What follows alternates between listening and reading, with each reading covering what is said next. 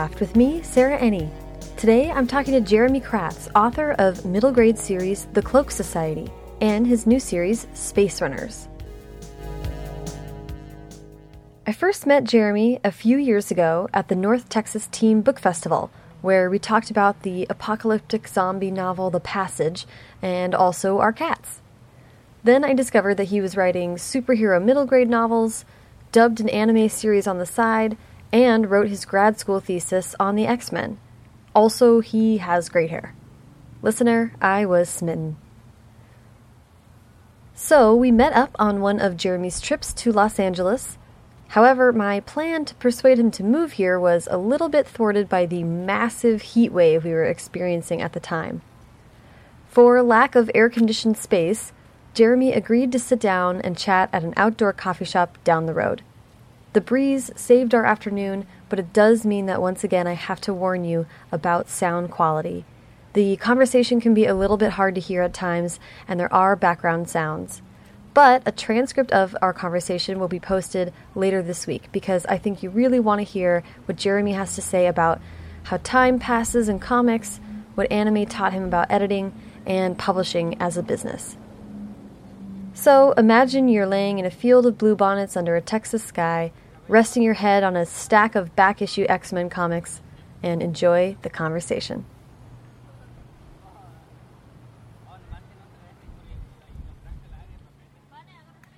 I'm also like in the light. It's harder to, but Oh, I'm gonna yeah, keep no, an eye on it. impossible. so how are you doing? Hi, how are you? I'm so good. How are you doing? I'm doing great. I'm excited to be in Los Angeles, even though it's really hot here right now. It's so hot. It feels Texasy. So yeah, Jeramey Yeah. was kind enough to come to my neck of the woods, and I was like, "But we are not allowed to set foot in my house because there's no AC and it's horrible." no, it's wonderful out here. It's a shame. Uh, yes, this is good. So we are next to we're next to a road, so there's car sounds. I like I'm like prepping the listener. Yeah. Like just don't yell at me about the audio. We know. Yeah. But we had to be outside. So I like to start at the beginning, as you know. Sure, yeah. Which is where were you born and raised? Uh, I was actually born in a tiny town called Merkel, Texas, which is like 1,500 people. And then moved around small town Texas for a while, uh, but did all my schooling in Odessa, Texas. It's the and now, and back in Texas, I'm in uh, the Fort Worth, Dallas area. Okay, okay. So I'm interested in, in small town Texas because, I mean, we're going to get to it because I want to talk about the setting in the Cloak Society, Yeah, but sure. that's so specific. No, it's a it's an interesting place. Uh, you know, in West Texas, the closest town from where I grew up was like Lubbock, which is like two and a half hours away. So Yeah. it very much feels like its own little bubble. It's Its a, own culture. I mean, we can kind of talk about this in the context of the books too because I know Sure. it, it interacts, but I just love. You, you were not a part of the dominant culture, which No. is sort of football. Like that's not just a stereotype, right? No, not at all. No, it's uh, it is very much like the uh, the culture. I mean, to the point where like I don't we haven't had like great football teams since like the early '90s. I don't think, but there were still people who um, hold their kids back a year from starting kindergarten, so they'll be just a little bit bigger by the time they're seniors to like play football and stuff like that. Uh, so it is like very much still like alive and well. Um, The people I think who were in high school like when all that was happening you know they all have kids now who are like in high school and, Yep. and so it, it, it travels down the nice thing though and something because i was an arts kid Mm-hmm. um, i you know that's how i kind of rebelled against the things i didn't like about my city Mm-hmm. was like i was in theater and you know jazz choir and stuff like that the nice thing though and this is something that like i didn't realize was unique to west texas or you know small town culture like that um, until i moved away was that all of that kind of school spirit and pride filters down into like every sort of like aspect of the town. So uh, you know, it was like I'm gonna go for the all-state choir. If I'm gonna go, I'm gonna do it as hard as I can because I want to make my school proud. Or like, I, you know, everyone was like, "Oh, we're so excited that your one-act play is, uh, you know, advancing to state because we're doing it. We're doing it for Permian and stuff like that." So it's like kind of weird that like that sort of school spirit mentality like filters down into like the arts too, um, which That's I, really I- sweet. It was really wonderful and like really lovely and something that I didn't realize was kind of strange until I, I moved to like Dallas or Fort Worth. And, uh, it's weird because like growing up in West Texas, I all I wanted to do was get out. Um, Yeah. I didn't feel like I fit in. I was a liberal kid and like it's a very conservative area Yeah. and uh, you know it's gay and like it felt like you know I could never like be who I wanted to be there, or Mm-hmm. who I was there, and um, and so all I wanted to do was leave. And it wasn't until I was in grad school in New York that I started writing about Texas because I was in, I was actually in grad school for nonfiction, and so I was writing about Texas a lot. Starting out like writing about myself and like what it's like to grow up in Texas, and then just kind of like moving on into cultural critique because turns out like it's kind of boring to write about yourself all the time. That's when I kind of realized that like this place has its charms. Like it, it has like there's like a wonderful kind of spirit about it. It's the only time it like I finally was like, oh, I kind of miss like West Texas. Um, I'm going to come back to that, but first I do want to hear a little bit about reading and writing when you were growing up. Sure. What kinds of things were you reading? How did that factor into your life? Yeah. Um, so I wasn't always a huge reader, mostly because I hated. I hated like Johnny Tremain. I hated the stuff that like we were supposed to be reading in school, and that's very much like the kind of stuff that we were always reading in school. It actually wasn't until I was like seven or eight years old the X Men cartoon series started uh, airing on Fox Kids, and I fell in love with it. I was like so obsessed with it, and the Batman animated series started too, and so it was like a really a golden age for like superhero cartoons. Yeah. And when that those shows went on hiatus, I was like, I want to know what these characters are doing. And so my mom bought me. I taught my mom to buy me my first comic book, which was X Men Volume Two, Number Twenty Two, at Walmart in Odessa. Oh my and gosh. I went home and I read it. and I had no idea what was going on because I was jumping into the middle. But I was like, I love this art and I love these characters. And I know enough about them from this cartoon that like mm-hmm. I can kind of intuit like what's what's, kind of piece it going on, together. yeah, and who's good and who's bad and stuff like that. And so I became this like over the course of one summer this like rabid comic book reader, and it turned out into one of those things where like uh, you know my parents eventually had to say like we, we have to stop buying you back issues of comics or we're gonna have to like mortgage our house like for a second time. Uh, so I mean I remember going into my school library and being like, hey, do you have any books? I love comics. This is before there were no graphic novels or anything in school Right. libraries really, which is always my favorite thing to see in libraries whenever I do school visits now. You know I said I love comics. Do you have anything that reads like a comic? Yeah. And so uh, my librarian, Mrs. Hall, was like, you know, the Hobbit. Maybe try that. There's like magic, there's uh, dragons, there's adventure. So I read The Hobbit, and uh, that was kind of my entry point into reading. And like slowly but surely, I kind of found my niche, and like I started reading stuff that I wanted to read. Uh, Mm-hmm. Yeah. and then I became like a library assistant, and I was like super into it. In a weird way too, like reading comics made me uh, a writer in the sense that what I would do is I had a, a superhero notebook, which is like a five star notebook, and I'd read you know, an X Men comic, and I would know it would always end on a cliffhanger, and I would know that it would be another month before I figured out what happened. And so, like, I'd write a couple of notes down about like, here's what I think is going to happen. So it was like, oh, it looks like Wolverine got killed, but I bet mm-hmm. I bet it was a cyborg or like you know, it was a hologram or something, that, or his healing factor is going to kick in or something. And so. Uh, and then I'd, I'd read the next comic like a month later and see if I was right or not. But slowly but surely, that like that started getting longer and longer, and I'd write like whole paragraphs about like what I thought would happen or what I thought should happen, and then I was basically writing fan fiction. Also, like a lot of stories about me fighting like vampires with the X Men, like and, and, like getting you know I got to do like crossovers where like oh Batman and, and Jean Grey are going on an adventure where that Oh could never happen in the comics. Um, That's amazing. Yeah, and like that just got kind of longer and longer. And so when I finally sat down, I was in school in grad school for nonfiction writing, and I kind of stumbled into uh, writing for kids. Mm-hmm. And since I was working at Marvel, I was interning at the time in the X Men department, which is like my big, you know, my geeky dream You come did true. And uh, I thought that I was going to write a book, a nonfiction book about like gender and masculinity and sexuality Mm-hmm. through like the lens of modern comics because I'm, you know, it's a very grad school sort of like book, like, Totally. like book to write. And I'm super fascinated in things like that. While I was bored at Marvel one day, I was trying to come up with things to pitch them. And I was thinking critically about comics Mm-hmm. and at, at the time, and thinking about like a lot about supervillains. Really asking myself like, well, how c- can you tell a story like that's the supervillain is the main character? Yeah. How do you make someone root for that the bad guy uh, if that's the main character? Like, is that possible? Like, and so I kind of landed on the idea of like, well, if it was like a kid supervillain and like villainy was all like, he or she knew, that's how you can kind of trick the audience into it. And then you have like a whole problem you can unwind. Like, what happens when the supervillain realizes he's a supervillain? Realizes he's the bad guy. Uh, and what does that say about like when it's uh, an issue for your family and it's all you know and it's it's your community really? That was kind of the entry point for me uh, writing for kids, and it wasn't until I thought I might pitch this to Marvel as like a comic book, and of course like they don't need any like they don't need original characters or anything like that, and so it just They're like, became "We're this- good." Yeah, yeah. you know, it became the thing that I was working on instead of my thesis, and at some point I realized that this was what I wanted to do, and uh, what I was doing is I was writing a book for Jeramey, like 12 years old, who was like going into the library saying, "Do you have any books that read like comics?" And it's like, "Yeah, of course we do. We have this book that is just a comic book in novel form, basically." That was when it finally clicked that like, oh, this is something I actually want to do, and something that I, I, I can do. It was. I, I also remember like very specific moments writing the first draft of the Cloak Society, feeling like the writing was so familiar Yeah. in a weird way. And I, you know, I realized that I was like, I've, I've written this scene before. I've done this. I've written this fan fiction before. Basically, I've, I've like gone in and like thrown all these people with superpowers together and seen how those powers like can like bounce off of one another. And it's one of those things that like looking back on it, of course, this is how I got into writing. and reading. But you know, I never would have thought as a kid reading comic books was what would you know turn into my career and like my passion one day. Yeah. Um, it's my favorite thing to actually to talk about at school visits because I'm like, look, you know, and especially like now I think. um, kids, you know, graphic novels have like such a different place, and they're in a lot of libraries, which is great because especially in like a place like Texas where we we have a lot of like English as a second language students, Yes. like it's a way for you to get them into reading in a way that like if they're just learning English too, that like I can put a picture with this and like Yep. kind of it'll help me figure it out. And like Um, reluctant readers, exactly. like what you, you were not reading No. or finding the other books that would have been interesting to you, Yeah, and so that yeah. It's such a great gateway. Um, so I'm really always excited whenever I, I go into libraries today and there's like a, a big graphic novel section. And the librarians and teachers seem to have caught on to that too, Mm-hmm. Yes. which is wonderful because they're the gatekeepers. So if we can if we can if they can get that, that book into like the right hands, then like everything's you open the world Exactly. to someone. Yeah, yeah, yeah. Um, okay, I have a, approximately a million questions based on Sure. everything you Yeah, just yeah. said. So, first, I really am so interested in. This is kind of not a question. I just want to hear your thoughts on Sure, this. Sure, yeah. Um, I was talking to a friend of mine recently who writes movies, and Mm. he is a huge graphic or huge um, comic book person. Yeah. That was trying to recommend books to him. So I was like, "What does that mean? Yeah. Do you like action? Do you like like adventure stories?" And he was like, "No, Yeah. no." it was the first time that I really was like, "Oh, comic books are their own Yeah. genre. Like superhero movies, all that stuff. That is its own thing." It really is. I mean, there was like a, you know, especially when Cloak was coming out, so a couple of years ago, there were a lot of like superhero inspired books in like middle grade and YA coming out. Like Steelheart was coming out and like Super and Powerless and, and stuff like that. My books obviously are very uh, superhero inspired, but it, I mean, there is. It's such a different world uh, with Yeah. graphic novels. And if I can recommend a book, this amazing book called Understanding Comics by Okay. Scott McCloud.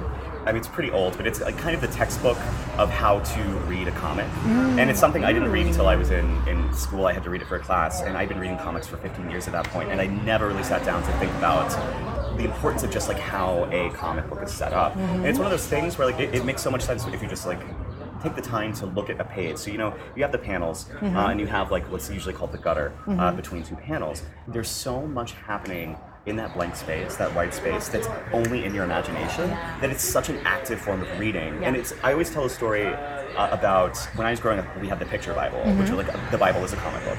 Basically. Oh, yeah, yeah, yeah. Yeah, they used to sell it. There's always infomercials for it. Yes, oh my God. And uh, my mom was, was always kind of weird. She was like, "You love the story of Cain and Abel." It was really strange. Um, Interesting. And so, like for most of my adult life, I had this very vivid image of what that page looked like, and Mm-hmm. it was uh, Cain like sneaking up on Abel with like a club, and then like him like bashing Abel over the head with it, and then like running off or something like that. Yeah. And I finally got my hands on my old picture Bible like five years ago, and that image doesn't exist. It's, it's like a close up of like Cain holding a cudgel of some sort, and then the next thing is like him just looking scared, saying like, "What have I done?" And it's like the perfect example, I think, of like the type of active imagination of reading a comic book or a graphic novel Yes. that like you know you have to read between the lines, obviously, and you're, you're imagining things as you're reading, just like Right. prose.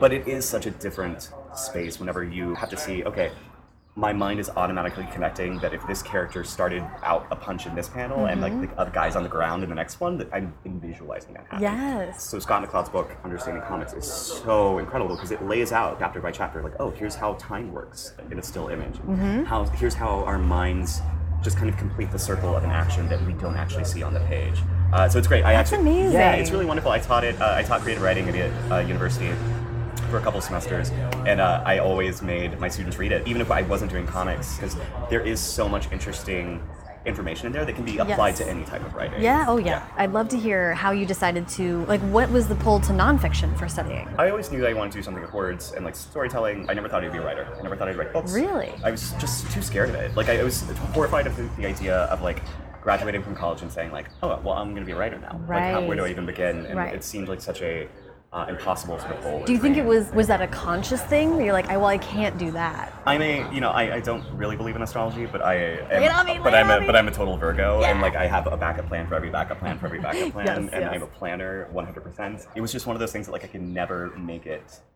fit in like the where my life was going to Mm-hmm. Right. go. But I knew I wanted to write in some way, and so I actually my undergrad degree was in uh, public relations and advertising. A weird thing happened is like I, I ended up taking a class called the essay, kind of on a whim. I'm not, honestly not sure why I took it. It's just like a nonfiction personal essay. So like, and that was something that I did not know existed in the world outside of like magazine feature stories or something like that. So we read Joan Didion. We read Meghan Daum, we read David Sedaris, and David Sedaris, I read that and I was like, this is what I'd like to do.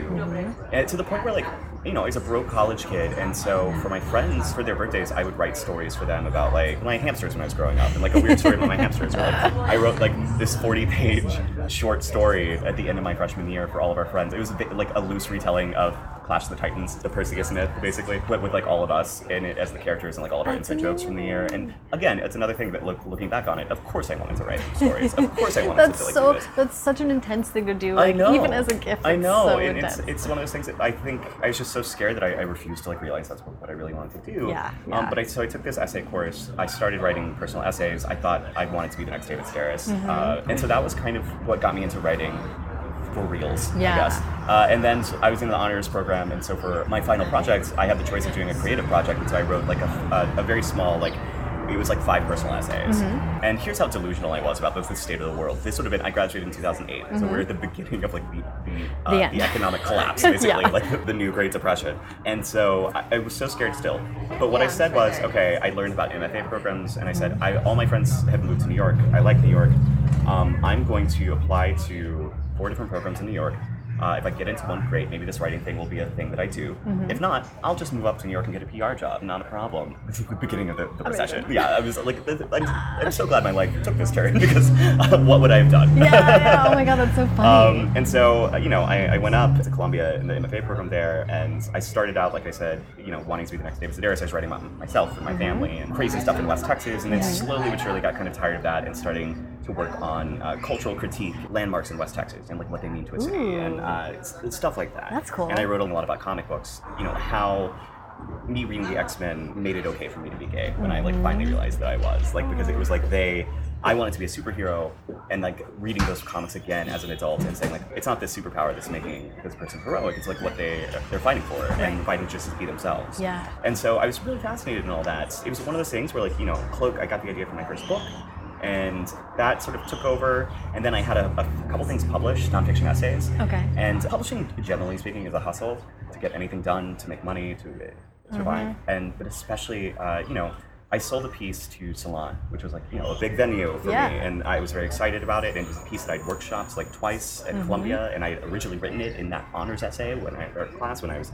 A kid, so I worked on this sort of for years and years. It's the essay that like taught me how to write, basically. You know, it, it was it, it was one of those things that went from being 25 pages to nine pages to like back Mm-hmm. and forth. And, and so I sold it, and I think I got paid maybe 200 bucks for it and that's honestly more than I thought you were. yeah, and, and I mean, it was great, but like, it was also like I had a terrible experience with it, where like my editor, I it was the first time I'd sold anything, and like I didn't understand the idea that like I don't own this anymore. Right. And so like they changed the title, they cut like a third of it out, and like made a bunch of edits that were like people like me speaking in the thing, and so and like wow. The comment section, it's it was the salon, so the comment section was just horrifying, and it was all about my family, and Oh my God. um, and so that kind of hit at the same time that like I was working on Cloak, and so it was another excuse or impetus for me to say like, okay, maybe um, maybe fiction's where it's at. Maybe like the world of Right. Kidlit sounds great. Yeah, yeah. I mean, I had no. I was so. I was such a newbie to children's publishing.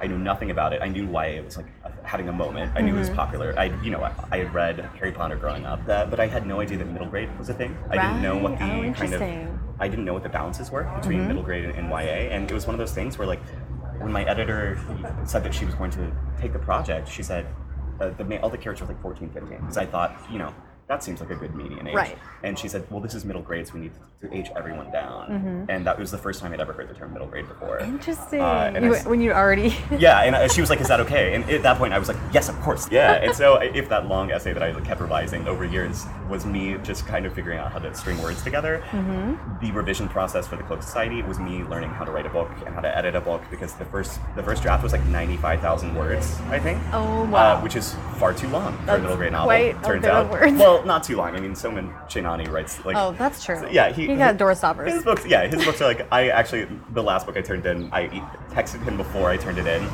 because I thought it was too long, and I said, "Hey, how many uh, how many words was the first School for Good and Evil book?" And he was like, oh, "I think maybe a hundred eleven thousand something like Oh that." my And I said, "Great." I just want to have that number in the back of my head, so if my editor pushes back on this seventy-five thousand word book that I'm turning in, then I can say, "Well, Soman, Mm-hmm. Yes, we're in the same publishing um, house, and This is how I feel about Morgan Matson. Yeah, I'm turning in my exactly, yeah. contempt YA and I'm like, listen. So actually, I would love to hear. It was so interesting to me, you talking about sort of almost like backing into the idea for Cloak Society, Mm-hmm.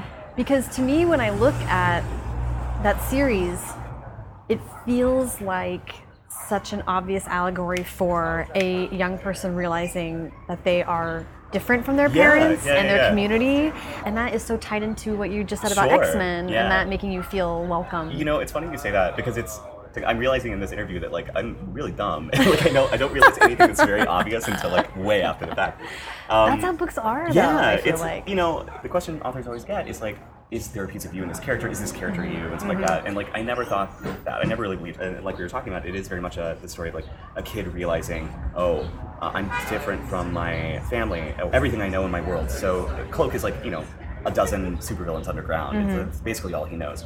I don't think I agree with them. I think they're wrong. Right. Um, and how do you, you know, reconcile that? And how do you reconcile like what's good and what's what's bad and like what's and how know, do I rebel completely? Yes, exactly. And just like, you know, it's a story like all, and it's something we talk about later because I, I think it's very interesting the difference between middle grade stories and YA stories. Yeah. I think the heart of middle grade is just figuring out who you are. If you think about the middle grade audience, you're thinking about a 12 year old who's thinking about, you know, what their place is in the world for the first time, what it means to be a human, mm-hmm. what do they value, stuff like that. And so I was doing an interview with a gay newspaper in I think it was in Tennessee, like in Nashville somewhere right there for like the Southern Festival of Books. He's asking me all about growing up in Odessa and growing up in West Texas and what that was like, and then he's asking me to like kind of pitch the book for him, and I do, and he's like, so it sounds like this is like a, a perfect allegory for what it was like for you growing up in this conservative, like very religious town, and like not feeling like you fit in or anything like that. And it was the first moment that I was like, oh. You're right. You're oh, that's right completely what yeah, it is. that is completely what this book is Oh about. Oh my God. Um, but How at the same, yeah, at the same time, I mean, it's one of the things that I, I find beautiful about middle grade writing is that we all have gone through this moment, uh, no matter who you are, like trying to come to the understanding of what it means to be you, who you are, Yeah. what your identity is. Yeah. Someone said to me, and I, I say this often and I forget who to credit with it, Yeah. which I hate, but said that difference between middle grade and YA is middle grade is about how, uh, it's a kid realizing how they fit into a broader Yeah. culture. Yeah. And that YA is almost like how you fit in your own mind. It's like total navel gazing, Sure. Well, individual stuff. yeah, And and middle grade is a little bit more broad world scope Yes. almost. I think it all comes down to the issue of like where the conflict is. Mm-hmm. I think great middle grade stories are all rooted in internal conflict. So who am I? You know, what is my Mm-hmm. Place? Whereas in YA, again, think about the audience, like the, um, a 12 year old versus like a 17 year old. Mm-hmm. Like a 17 year old knows so much more about the world at large. So you can have a big global conflict. Yeah. So you can have Katniss versus the Capitol, and obviously Katniss is dealing with a lot of like internal conflict, Right. but you can have this much larger sort of like uh, Mm-hmm. overarching world changing conflict as well uh, because that audience knows about it. And- Right. And just thinking of like great middle grade stories, if you think about what a middle grade uh, kid knows, it's basically just like family, school, maybe like a club or a church Right. or a sport or something after that. Right. And so it's obvious, like that's, you know, looking at middle grade books, it's like obviously that's where these like Right. conflicts are going to derive out of. Even something like, you know, take the language in the wardrobe that's a big i mean allegories aside like Yeah. it's, it's a very big like fantasy book and like there's like a real like good versus evil but like the conflict is derived out of that one brother who turns Yeah. on his family it's all like derived out of like uh, something that a middle grade kid would be familiar with like that Yep. betrayal of a family member or a friend is understandable. Yeah, It's yeah, you can relate yeah. to it, yeah. Yeah, that's really, really interesting. It's like the, the perfect example is that everyone uses and that, that I will use as well is like the Harry Potter series. Yeah. So like you take those first three books and they're slimmer, but if you think about it, like they don't really leave Hogwarts the first three No, books. yeah. Um, it's not until the fourth book that they do the Triwizard Tournament and That uh, anyone outside is allowed in. yeah, Even. Mm-hmm. and like and that's when people start dying, and that's when like crushes happen. That's when that's the, first time that Voldemort like makes an appearance, and that's when it finally becomes, begins to become an issue of not just like Harry, what it means to be the boy who lived, Mm-hmm. or what it means to be a wizard. It becomes more of an issue of like, oh, we have a world to protect, or something like that, Mm-hmm. and you can see that grow and grow and grow as as the book becomes more YA and Yeah. eventually like a YA novel. Um, what was it like to, you know, you, you've been a comic book reader your whole life, Yeah. you were working at Marvel, you understand this, like, the context of all those worlds, and then you get to, the, to make your own. How did you even begin? Uh, the first thing I did, I made a list of superpowers I thought were cool. awesome. Um, and then that's actually how I started character building, and that's that's where I started the story. It was just characters and trying to like flesh out who these people might be.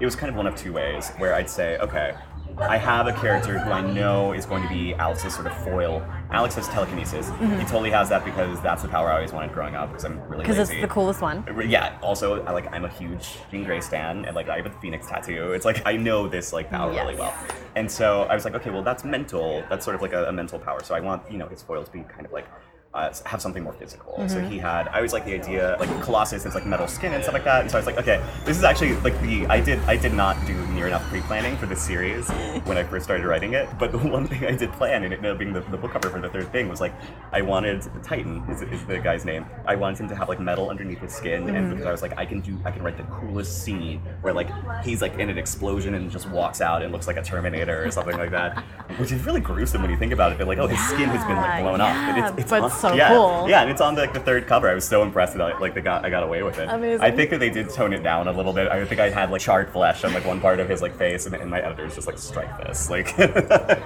um, but that into coming up with that character was an issue of me being able to sit down and say, okay, what would it be like if I had never been able to be hurt physically, and I was always bigger than everyone else around me? Right. What? How might that have shaped who I was?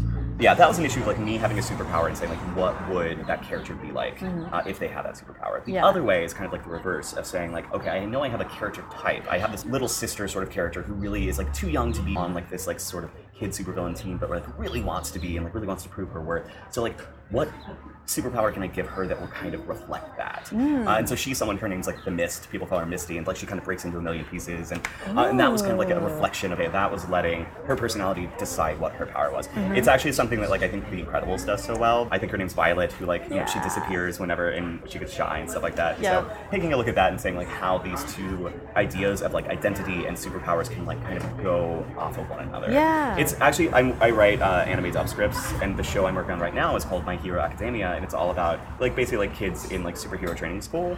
And that show too does a, a great way of letting these weird ass powers that kind of reflect something about that character. Yeah, Um, to I the love point, that. Yeah, to the point where like, the main character has to like hurt himself to like use his power, and it's like one of those things of like, Oh. okay, that's such a great allegory for like self-sacrifice as like heroicism and stuff like that. So I, yeah, I'm fascinated by how you know superpowers kind of denote who you are. And stuff Yeah, like that. which is what the X Men is like all about. Sure, they're yeah. so good at that. Yeah. So let's get to the to Space Runner. So. Sure. From the Cloak Society, your first book, then it's Yes. a trilogy too. Yes. How, ta- talk me through tackling all of that and then getting to your new series. Sure. Now we'll get into like the brass tacks of publishing. Yes, Space Runners is it. kind of like a, a weird deal. So like I wrote the Cloak Society, and then I immediately I wrote a contemporary YA Mm-hmm. uh, that I thought was amazing. I was very excited about it, uh, and I was really excited to like go into like the YA world. Mm-hmm. Um, and it didn't sell. You know, my agent loved it, I loved it, and uh, we sent it out to I think eight editors, and I got like one revised and resubmit, Mm-hmm. uh, and then I had I think four different editors saying.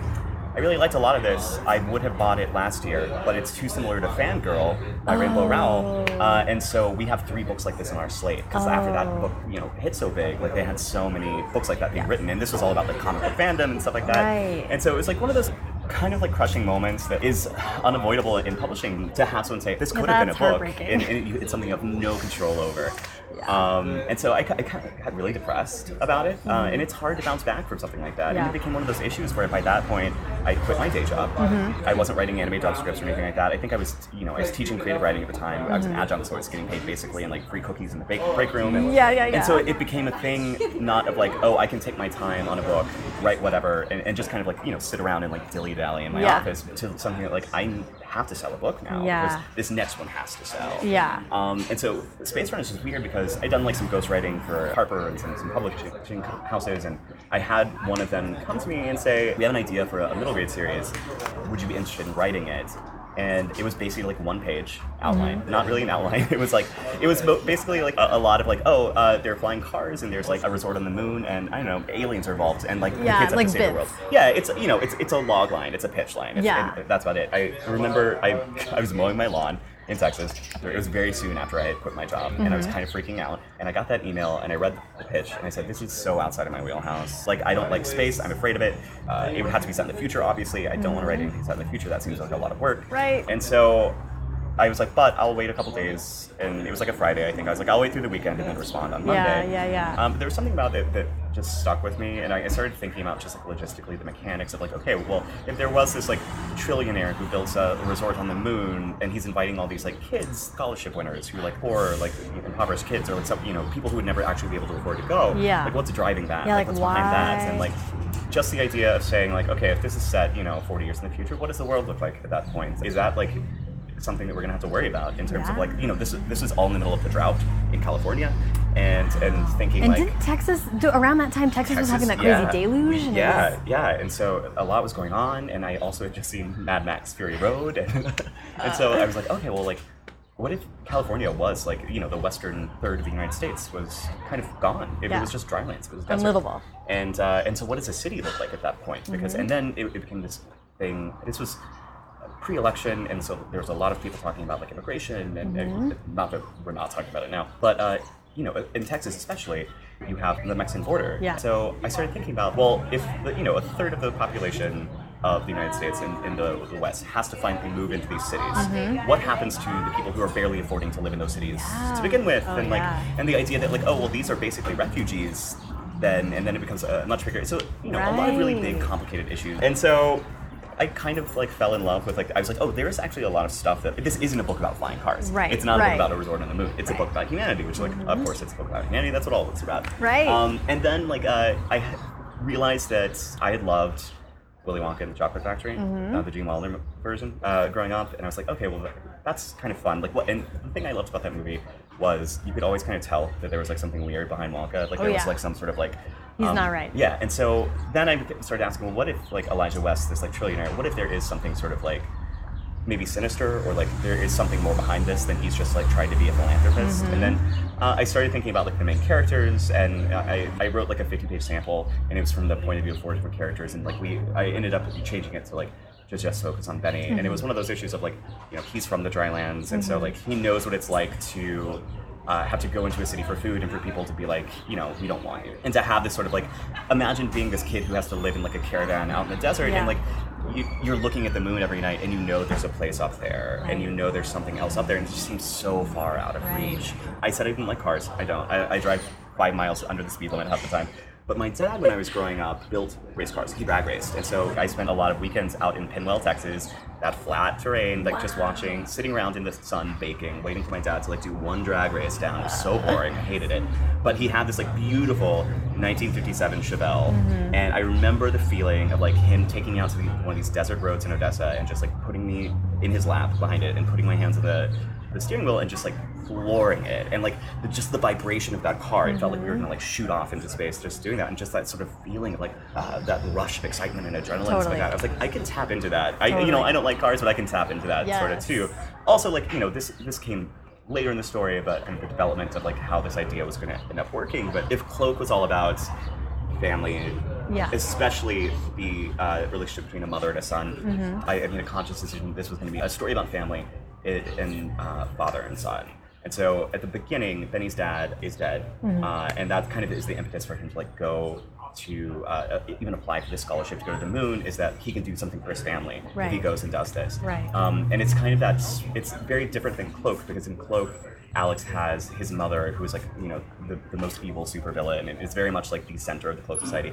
You know, telling him exactly what he should be doing and stuff like that. Whereas in Space Runners, a lot of Benny's drive comes from his thinking about his father, who isn't there anymore, and what his father would want to do and how he can make his family proud. And having to make sense of the absence of Exactly. a yeah. figure. And suddenly being, you know, he has a grandmother, he has two little kids, but like suddenly being kind of the um, the parental figure in a weird way. Yeah. And so, of course, all this is like taking place like like the book starts out with like him racing to the moon. Right. So it's like, but it's it's a threaded in there, and it becomes, Yeah. and especially just like the guilt of like sitting at a, a table.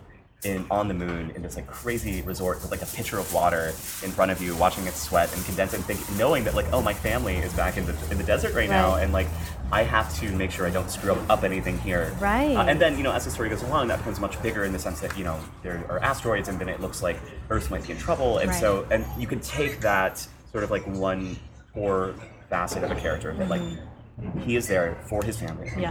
for them. And then that blows up into a much bigger thing It becomes like, this emotional driver. yeah, and it becomes an issue of like, okay, well, like he, if Earth is in danger, if he's going to save his family, he has to save the entire world Right. in order to do that. Right. Um, and so that is kind of like uh, taking that one sort of like small facet and like blowing that up into a much bigger, again, internal conflict and like how who am I and like how do I do this? Isn't this my place? And, Totally. and there. Once I, I kind of realized all those things, I ended up saying like, uh, let me write a, a bigger outline and see like what Yeah. I can do. Um, so I kind of realized a lot of those fundamental s- elements of the story. I said, yeah, like, like sign me up. Like I, I love this. And uh, you know, it's one of those things. And I, I know a lot of people who write packaging uh, books and that are packaged, or like you know, books like this that are pitched to you and Yeah. stuff like that. And uh, even people, if you're writing your own idea, I think there comes a time where something just clicks. Yes. And it's no longer an idea that someone gave you. Yeah. It's an idea that like you love. Yeah. Yeah, you know, packaging or like a, a publisher like pitching you an idea or telling you what kind of book they want you to write can so, sometimes gets into a murky territory Yeah. of like, well, where's the creative process? Like, is, whose story is this? Like Right. that. But I always think of it in terms of like, you could pitch Romeo and Juliet to you know a hundred different authors, and the book they're going to turn in is those are going to all be very different books. Uh, and I think there is a time when like you're writing, even if it's like something that like you know an idea that you stole from someone or like someone pitched to you, that like it, it clicks and it, it no longer is uh, this foreign thing. It's something that is like wholly yours. Yeah. Yeah. Well, and I, I really appreciate you talking about that Oh, process yeah. because it's really something that, for, for many reasons, people are don't talk about or are Yeah. not allowed to talk about or any of that kind Right. of stuff. But it is something that's like also goes part and parcel with being like I want to be a professional Right, in right, right, this world, and this is a huge part of how things get done now. Yeah, yeah. Um, whether or not people want to talk about it, that's what's happening, Yeah. and and it is the kind of thing where when you have the opportunity. And you can make something your own. Yeah, it's yeah. there's no ain't no shame in that game. No, of course not. And it's yeah, it's never been an issue of like. I don't even. I always forget that like that initial like sort of like you know elevator pitch wasn't mine, just because like I've been working with it for so long. Yeah, and it's such a like it, that's such an interesting thing, to, thing because when you have, especially just sort of an odd collection of ideas. Yeah, It's yeah. so like that. This is when you. I, I feel like that example is a good one of like this is why you're an author, and the editor who came up with that is the editor. Like yeah. you were the one who was like, I'm going to find an emotional thread that connects all of these Right. disparate parts, and that you know, Well, and, and- build it into a story. Yeah, and I mean, you know how publishing works. That uh, you know, no book is written by one person. It's it is a village effort. Yeah. Yeah. Um, and so, I went to, I, you know, I, I have my MFA, and um, I think that one of the issues that I have with MFA programs, Mm-hmm. or at least my program, and uh, a lot of people I have talked to are kind of feel the same way, is that there's the idea that if you want to be a writer and you want to write professionally, because I get a lot of questions from aspiring writers saying like, should I go into an MFA? Yes. Yeah, and I think it's complicated and it's different for everyone. One of the things that I find really problematic about the way the MFA system, at, at a lot of schools are set up, I think, is the idea that you're instilled with this concept that if you want to write professionally and you want to be a, a capital A author, if you just write long enough and you just work on your craft long enough, like everything will just happen for you.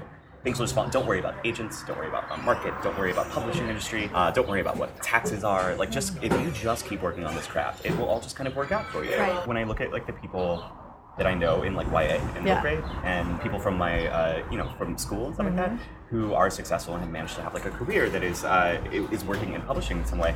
It's people who realize that okay, well yes, the craft is obviously important. That's the part of this, but you also have to remember that this is an industry, It's a job. and it's a job, and it's writing isn't a mystical process Right. that like you know. I pray to the muse and then it comes to me. and Right. It's, you know, half of it is just like making a daily routine and making sure I'm responding to emails. And uh, Yes. that's one one thing that like I hear a lot of authors say, and it's something I totally agree with. Is like I didn't realize how much of my life as an author would be me writing. Right. It would be like you know me doing filling out a marketing packet, or Mm-hmm. uh, you know going to a festival, or uh, just trying to sit down and figure out my taxes and, and stuff like Yeah, that. oh And, my God, uh, responding to emails. Just yeah, so so many emails. Yeah. Trying to trying to like keep some sort of semblance of a social media presence. up. Yeah. So yeah, I think that um, So you feel like the MFA did not really. you know, the MFA definitely made me a better writer, Mm-hmm. one hundred percent. But I left my program, and it was an issue of like, if you had a full manuscript, you could go to like an agent's soiree, uh, and, and but that was it. And. Yeah. so I didn't know anything about publishing as a business. Yeah. Uh, I mean, there was like a whole course I think that was like you know how to make a book proposal, but that's for unless you're doing like a nonfiction book. Like I'm not gonna like pitch a middle grade uh, No. book proposal as a debut author who's never written anything before. That's like not how it works. yeah, and so um, yeah, I think that that is kind of, and especially like uh, the middle grade YA markets are, are just like the industry moves so quickly. Yes. Space Runners is going to be the death of me because it's it's four books and they're nine months apart. Oh my god. And so like right now, book one came out a month ago. Mm-hmm. I, book two is in copy edits, so I'll get those back soon. Book three is due in like two months. Um, and Wow. so it moves very quickly, and, Yeah. and you have to, you know, you have to treat it like a job because if you don't, if I just wait until I feel inspired every day or Right. something like that, I'm never gonna get anything written, Right. anything done. Right. Well, this is and and you we were talking a little bit before we started recording Yeah. that um, I'm in a position where I'm going to be able to Yes. quit the day job soon, which is um, so exciting and also also, really scary. So I'd love to hear how you tackled that, or like how have you found Yeah. a balance for yourself? Uh, so I, I, this is like the worst thing to say um, because I, I know how uh, horrible it sounds, especially to anyone who all they want to do is like quit their job and be able to write. I was, I think I was so much more productive when I had a full time job. Mm-hmm. I wrote the first three books, or the three books in the Cloak Society series, while I was working, uh, you know, a normal nine to five job. It was one of those issues where I knew I had to write for three hours on every weeknight and Yeah. like for like eight hours on Saturday. Yeah. Because if I didn't, there was literally no other, no other time to do it. That was Yeah. the only time I had, and so I had a schedule. And as you know, like having that writing schedule, if you're writing every every night after dinner, like something in your brain clicks, and it's like, oh, this is writing this time. This is the time. Yeah, exactly. Yep. And so after I quit my job, one, I immediately freaked out, um, and so I, I took on like four different freelance jobs. Oh, and so I was like ghostwriting and teaching, and I was uh, I, I think I I was getting into script writing at the time. And, Oh my God. Um, just doing way I was way overcommitted. Uh, so now you know I'm, I'm very fortunate in the sense that I get to be a full time writer, but there are all those you know those days where it's like oh. I could just not write 2,000 words today Right. and watch all of House of Cards. and Yes. Or it's like, oh, well, I could, and I'll just write more tomorrow. Or uh, I could just play this video game right now instead of finishing my draft. Mm-hmm. And, but it's hard. It's, it's difficult to kind of set up that sort of, you know, you have Self- to be so driven self-discipline. yourself. Yeah, Yeah. self-discipline. Yeah, exactly. totally. How are you looking at it? It's really interesting because I think what actually is the problem is that right now I have three jobs. I Mm-hmm. Have a day job and then the podcast and then the writing. Right. So I do well with two jobs. Right, And yeah. not so much with three. So the fact that I'll be able to I think it's gonna work because I think it's gonna be writing in the morning, podcast at Great. in the afternoon, and then probably writing I mean like we'll see. Yeah. we'll see. But um but I agree I wrote like five books while I had a day job Yeah. before I was doing the podcast. Right. So that was like the X factor that kind of tripped me up, and I was like, "Oh, why do I feel like I have no time?" And it's like, "Cause you don't. Like, Yeah, exactly. um, you can do two things at once, but not three." And so I, I feel like discipline isn't going to be my problem, but I'm also, I don't know. I've never Mm-hmm. Yeah. not had a day job, so Well, it's also like the the fear of like suddenly this thing that was something you did on the side, something that you did, uh, you know, as a hobby or a passion. Yeah, that, with uh, joy. It's, yeah, with joy. It's it's the thing that's putting like food on the table. And it's the Mm-hmm. thing that's paying your rent. And so there, so there's this like huge pressure suddenly that like like I was talking about earlier. It's like oh, that sudden realization that the next book I write has to sell, or Yep. else I have to get another job, and like this section of my life is over. Now. Right. And it has to go back to being a thing that I'm doing in my spare time and, and for Mm-hmm. funsies, uh, or as a passion, and it's and not something I'm doing devoting all my time and energy to. That's such a good point and a way to frame it. Like the the issue is then if then you're in a place of having to do it out of fear. Yes, Like fear yeah. that it's going to be taken away from you. And it's it's so hard to write under that. There was a moment trying to remember when Space Runner sold, so it may have been like 2015, somewhere 2015, and I um, I knew it was out, and so I was in that horrible sort of like moment where I knew it was on submission, and I'm trying to distract myself, and I was working on. I'm working on this other passion project that I really want to take off, and uh, but the writing was just not coming, not coming, not coming, and it was like the moment that I got a call saying like this the book sold. I celebrated and stuff like that. I woke up the next morning. I sat down to work on this other project, and it was just like such a relief because it was like, okay, I have these four books coming, and suddenly I can do this one, this this one for fun, and like you know, I can write Space Runners and not have to worry that like, oh, I am I'm doing something horribly wrong here, and it's all gonna fall apart. Right, uh, right, yeah, right. it is such like a, a relief, a sudden like Yeah. strange relief that you you don't even always notice there. Yeah. You don't realize it's happening. Yeah. Uh, until it is suddenly taken away, if you're very lucky. I'm I'm very hopeful that Mm-hmm. that with the day job gone, I'll be able to potentially work on two things at once. Sure. And I'm really nervous that that just isn't something I can do. You know, it's um. I don't know about you. For me, it's always I'm never working on the project I want to be working on. It's like, Yes. and, and that's how every project I've ever done basically has gotten its start. Is Yep. like it's what I was working on instead of what I was on deadline for. Yeah. Even Cloak, like it was, you know, I wrote that book while avoiding writing my grad school thesis. Mm-hmm. Um, but I mean, I think that's always the issue. yeah. yeah, I don't think it's gonna go away, unfortunately. Yeah, someone the other day was saying like, "Oh, the the book that I love the most is always the one I'm working on at the, t- at the time," and I was like, "What? Oh God, I For whom that, is I that true? case. Yeah, yeah. like wait a second, that's And the first it- time I heard that. In the same way that like the when people ask it the wor- what the worst part of the publishing process is, I'm always just like whatever part, part I'm in right now. Yep, like- whatever you're dealing with at that moment, Yeah, it's yeah, yeah. the worst. Although I will say, I'm, I'm, I would much rather, rather be revising a book than drafting a book on any day of the week. drafting is terrible.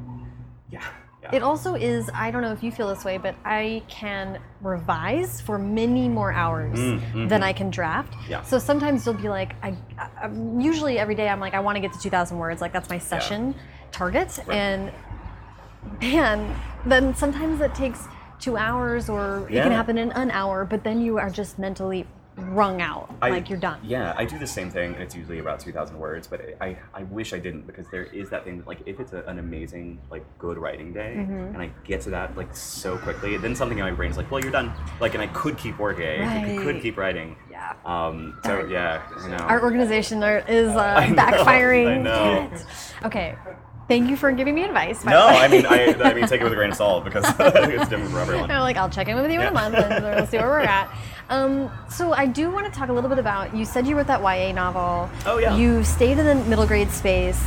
Um, but how are you feeling about jumping between those two genres, or like, how do you think about that going forward? Uh, I mean, I'm I'm working on I I have two more books in the Space Runner series to write and like one to edit, Mm-hmm. and so I'm still very much in middle grade. I'm working on another project right now that's like YA, um, and it's one of those things where you know I want to I want to have characters who can like cuss and make out, and, and you know that sort of like larger world implication that we Mm-hmm. were kind of talking about earlier. I want those conflicts to be uh, a little bigger, and I want to you know I want to write something uh, with like maybe a love story in it or something like that. And um, so I, it's just uh, it's freeing in, in some ways, and but at the same time, like you know, middle grade has its own quirks that are, are freeing compared to YA. I'm always interested in looking at how authors kind of like bounce back and forth. Do they, you Yeah. know, do they take a pen name? Do they like kind of abbreviate their name and stuff like that?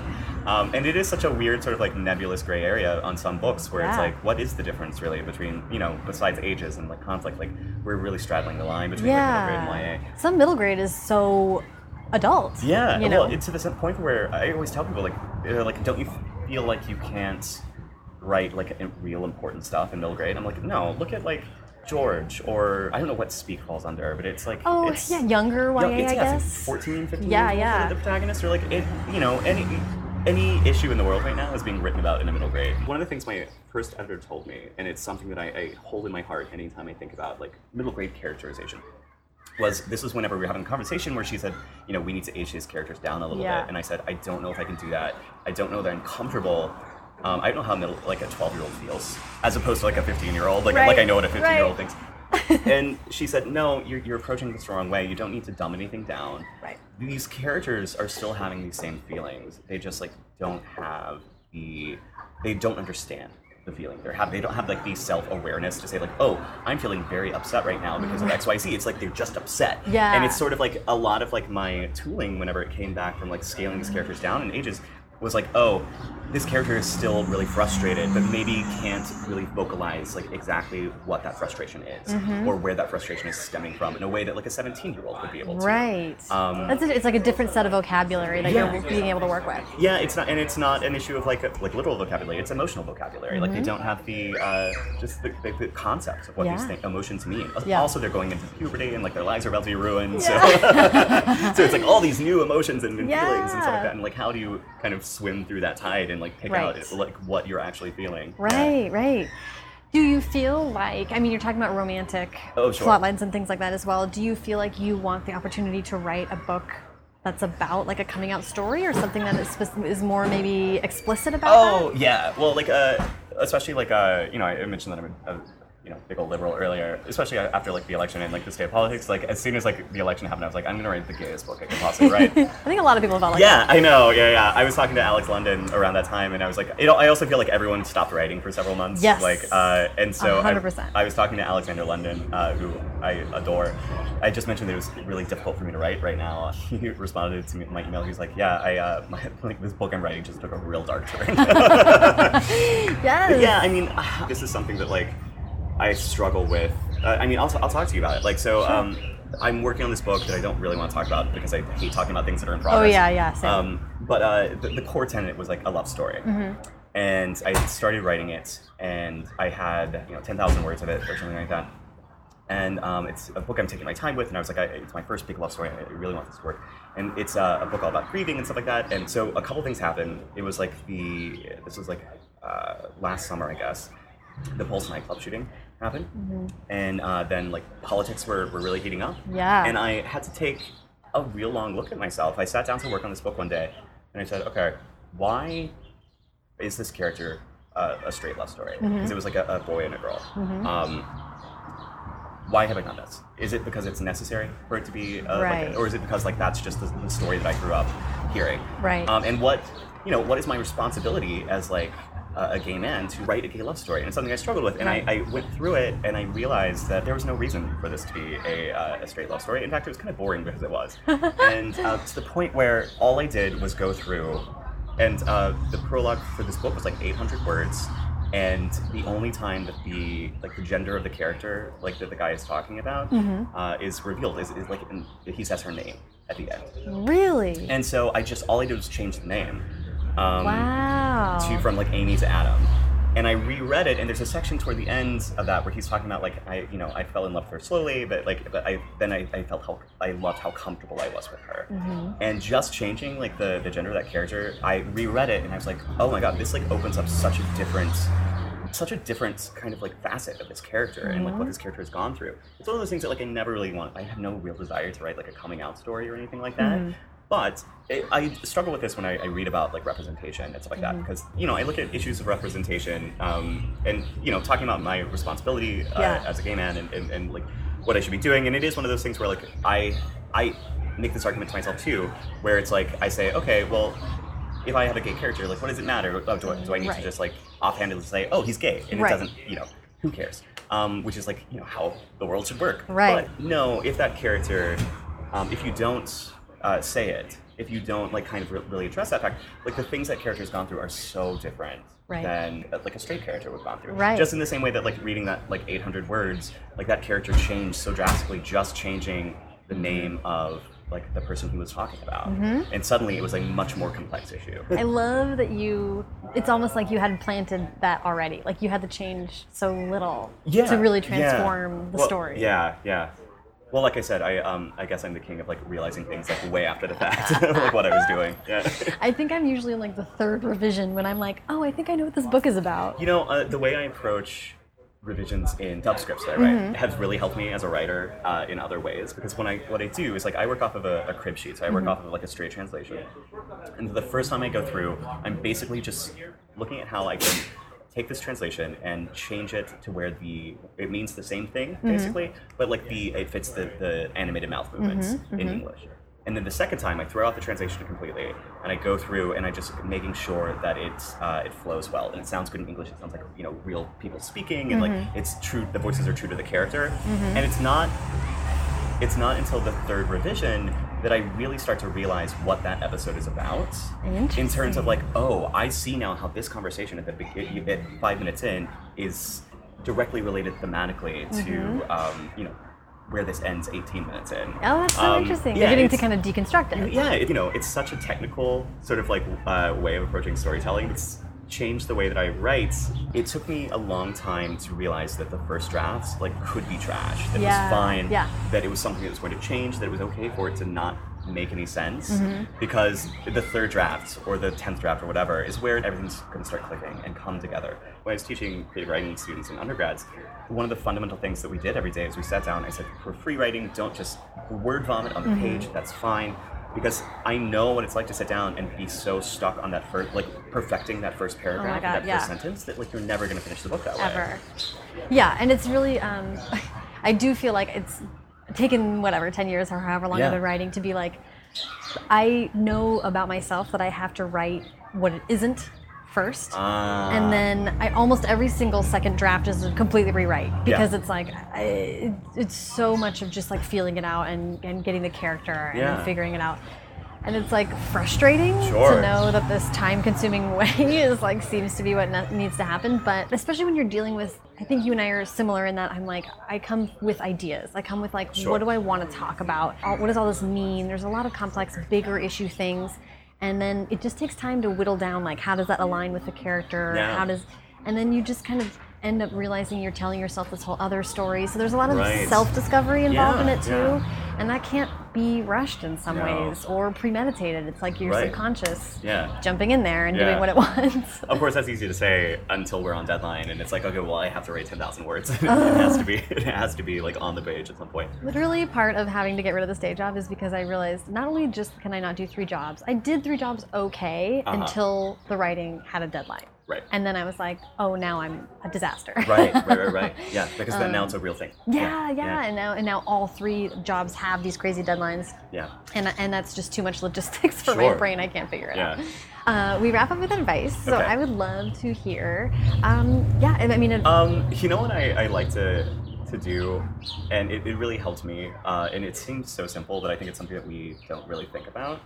Is um, if you have a good writing day, sit down and, and really think about like the logistics of what that day looked like Yeah. in terms of like what time of day was it, when did you eat, Mm-hmm. what was the temperature, was it silent, were, were there people around, did you did you play with your cat right before? Because all those kind of factors like this job is horrible in the sense that like you're alone and you're you know stuck and at your computer and you haven't showered sometimes in days and you're on deadline and Yeah. so any way that you can help yourself I say do it uh, and so I always tell my students like you know make a list of all those things and see if you can replicate that so like I know that I have to eat right before I uh, I write because if I don't I'll just be thinking about what snack I could go make and that's an excuse for me to get up and go to the kitchen Yeah. I, I put a water and a coffee so I don't have to get up and, and get anything from the kitchen again. So like smart. any any reason to not do it, I have to write in complete silence. I have to be co- a little cold. Like it's That's like all so these like yeah, and it's I know it's kind of dumb to, to think like oh well I have to set the uh, the nest to a specific temperature before Right, I can right. sit down to write. But like it's another one of the things like routine where like if your body feels like it's it's writing time if i'm full and uh, like i have like water and i don't have excuses to get up it's the right temperature and Yeah. it's the right time of day Yeah. then it's like that much easier to kind of slide into it Yeah, it is like world class athletes do the same thing, Yeah, and it's not like yeah. to say that we're whatever. It feels funny to compare the two things, but like Yeah. they, they understand that that is their job, and they have to do to get this much sleep and to Right. be in and have the right shoes and you know what I mean, like Right. take the ice bath. It's like they have to set up all these things to make sure that in the moment when it matters, they can perform at their peak. right right right right um Now you say you're Joan Didion thing. No, yeah, now I'm now I'm rethinking it. 'cause I'm like, is it Joan Didion? Uh, but I think that she talks about like, I know she talks about like sleeping in the same room as a manuscript, which like, it's like crazy. Oh, interesting. Um, but like, I kind of focused the way that I go about writing the next day in the way that she did. I, I think. Um, where she would start by editing like what she wrote the day before Mm-hmm. and like kind of like using that as a segue to like get back into it um, and like maybe not start like stopping i hate stopping at the end of a chapter i'd much rather like stop in the middle of it so it's like, Totally. easier to like get into and um, Some people stop in the middle of like a sentence. Oh no, I couldn't do that. I- that would drive me insane. I would t- be up in the middle of the night just like putting a period at the end of it. Yeah. I do like I'll get to the end of something and I feel like you know that feeling when you're like I'm winding down like this is I can't keep going. Yeah. And I'll leave and I'll go to caps lock Mm-hmm. and I'll do a bullet and be like this happens next and this happens Yeah, next yeah. and the little snippets of dialogue and be like this is what the next scene's going to look like and the next day it's always such a relief to be like oh yeah Sure. yeah yeah and then I have a visual for it and you can kind of dive back in so much more easily. Or if it's like, I do something like that too, where it's like I'm in a section, I'm like, oh, this is kind of boring. I don't want to have to write this part, and I'll, do- I'll do all caps. I'm like, description goes here, and I'm like, I'm gonna skip to something interesting, and then like the Mm-hmm. next day, it's like, oh, well, if this is boring for me, like it doesn't even need to be in there. Like that's Exactly. a, nice like way of like self-assessment at a job where you have Oh. such little comprehension of like if something's working or not. Yeah. It's completely true. Yeah, the bo- the boring stuff you're just like like transitions things like that. It's like how can I avoid this? Yes. You know? I have a much more technical uh, piece of advice uh, for like middle anyone writing middle grade. That's Yes. like uh, especially if you're doing like action adventure and stuff like that. Cloak series is all about supervillains. Obviously, in the second book, at the end of the first book, they like these kids end up stealing a car. Mm-hmm. You don't see it, but you know it happens. And my editor kind of like had a problem with it, and like and so it all happened like kind of you know it cut to the window and it all Yep. happened off screen. Um, and so there was a moment in the second book when I was drafting it that I knew for a fact that I had to have these kids steal a car. Mm-hmm. It's like they were trapped in the underground lair, and they uh, were in like could only get to the garage, and like there's only one way out of there. like, Yep, yep, yep. And they got to go like all the way across town to get away from these the bad guys. And so I didn't know what to do, and I was, I'd written myself into a corner with it. Mm-hmm. And, and so what I did was I was like, I know my editor is gonna have a problem with this. I'm gonna put three different instances in this book of uh, these kids having to steal a car and drive and uh, and then I'll uh, I'll see what she says. And sure enough, like I got my editorial letter, and like you can kind of see her getting more and more frustrated. She's like, I don't know about this. And then the second time, she's like, Oh, I don't think we should have them driving. And then the third, time, she's like, We really cannot have them like driving. And so I said, Oh, okay, that's fine. Um, what if I took out two of them? and we left only one. That was like me, that the pre-planning in my my head of like how can I get this by my editor. Mm-hmm. love that. Um, but the weird thing too was like once we finally were on the phone together, she's like, I'm still not really into them driving, and so she said, what if we cut the chapter after this line of dialogue? And I, I reread it, and I said, okay, well.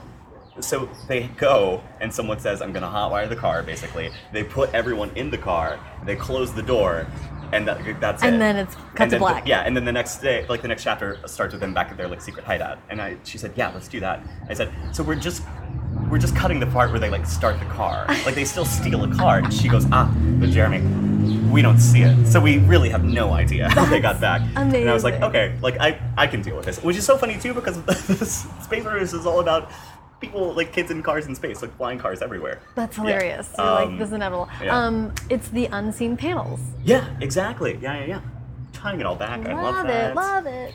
Um, that's so interesting. I love that. Yeah. Your editor's like, this will make me feel comfortable. that's so sweet, almost. Yeah. Um, well, this has been so fun. Thank Oh, you so much. No, I'm I- so I- glad we could I've finally make it happen. I know. Yeah.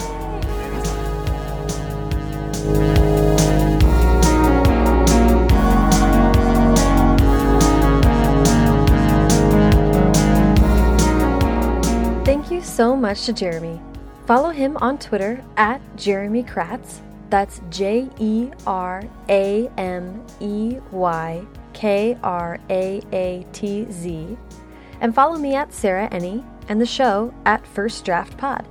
You can follow the show on Instagram and Facebook too, but for links to everything Jeramey and I talked about in this episode, as well as a searchable archive of previous interviews, and to sign up for the First Draft newsletter, be sure to check out firstdraftpod.com. Please do check out the show notes of this episode or the First Draft Twitter or Facebook for a link to the First Draft Listener Survey. It's just 10 short questions, and it goes a long way to helping me make this podcast better. If you like what you heard, please leave a rating or review on iTunes. Every five star review makes me feel like a trillionaire building club meds on the moon. Thanks to Hash Brown for the theme song, and to Colin Keith and Maureen Gu for the logos. Thanks to super intern Carter Elwood and transcriptionist at large Julie Anderson. And, as ever, thanks to you, morally ambiguous super people, for listening.